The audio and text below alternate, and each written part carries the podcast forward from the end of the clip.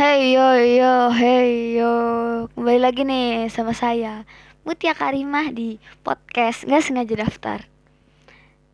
Oke alangkah baiknya sebelum kita mulai perbincangan enjoy ini Kayak kita enaknya salam dulu ya. Assalamualaikum warahmatullahi wabarakatuh. Ya biar perbincangan ini lebih enjoy lagi Kayaknya seru nih kalau kita nyanyi. Tapi mohon maaf nih saya bukan Raisa Jadi suaranya ya ala kadarnya 17 Agustus tahun 45 Itulah hari kemerdekaan kita. Hari merdeka Nusa dan bangsa. Hari lahirnya bangsa Indonesia. Merdeka. Merdeka menurut saya pribadi. Tapi ini banyak ya opini-opini yang lain. Tapi kalau menurut saya Merdeka itu adalah Hasil dari perjuangan para pahlawan Dalam rangka membebaskan rakyat-rakyat kita nih kita yang tertindas oleh penjajah. Pada dasarnya, setiap negara itu berhak bebas, berhak merdeka. Dengan proklamasi yang diucapkan Soekarno-Hatta pada tanggal 17 Agustus 1945, pada saat itulah Indonesia memutuskan untuk membangun negaranya sendiri tanpa ada campur tangan negara lain atau penjajah. Tetapi dengan merdekanya Indonesia bukan berarti perjuangan kita telah usai. Bukan berarti perjuangan kita telah selesai sampai di situ. Kita lahir sesudah Indonesia merdeka. Belum ada kontribusi yang kita lakukan untuk Indonesia.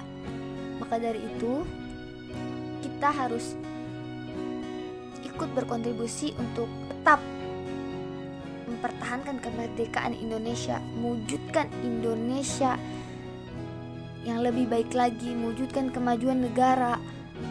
Justru lebih banyak perjuangan yang harus kita lakukan untuk membuat Indonesia seperti itu. Agar tidak sia-sia perjuangan para pahlawan untuk kemerdekaan Indonesia. Wish untuk Indonesia di umur yang ke-75 tahun ini. Yang simpel-simpel aja ya. Indonesia lebih baik lagi. Tapi siapa yang memperbaiki? Apakah itu tugas pemerintah? Memperbaiki itu bukan cuma tugas pemerintah, tapi itu juga tugas kita sebagai rakyat.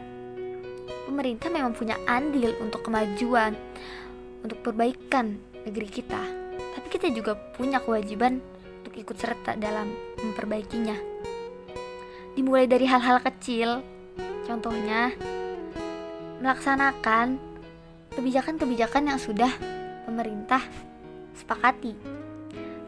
Mulai dari hal-hal kecil.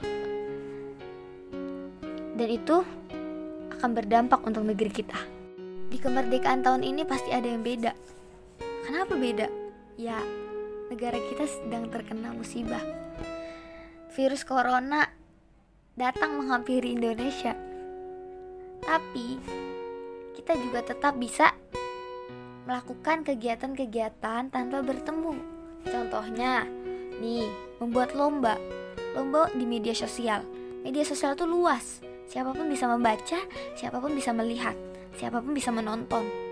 Kita sebagai anak muda, kita sebagai rakyat bisa tetap menyalurkan isi pikiran kita untuk negara kita yang lebih baik lagi.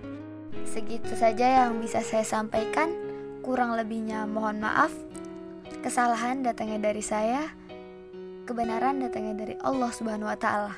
Sampai bertemu di podcast selanjutnya. Stay at home, di rumah saja. Wassalamualaikum warahmatullahi wabarakatuh. Indonesia NKRI harga mati.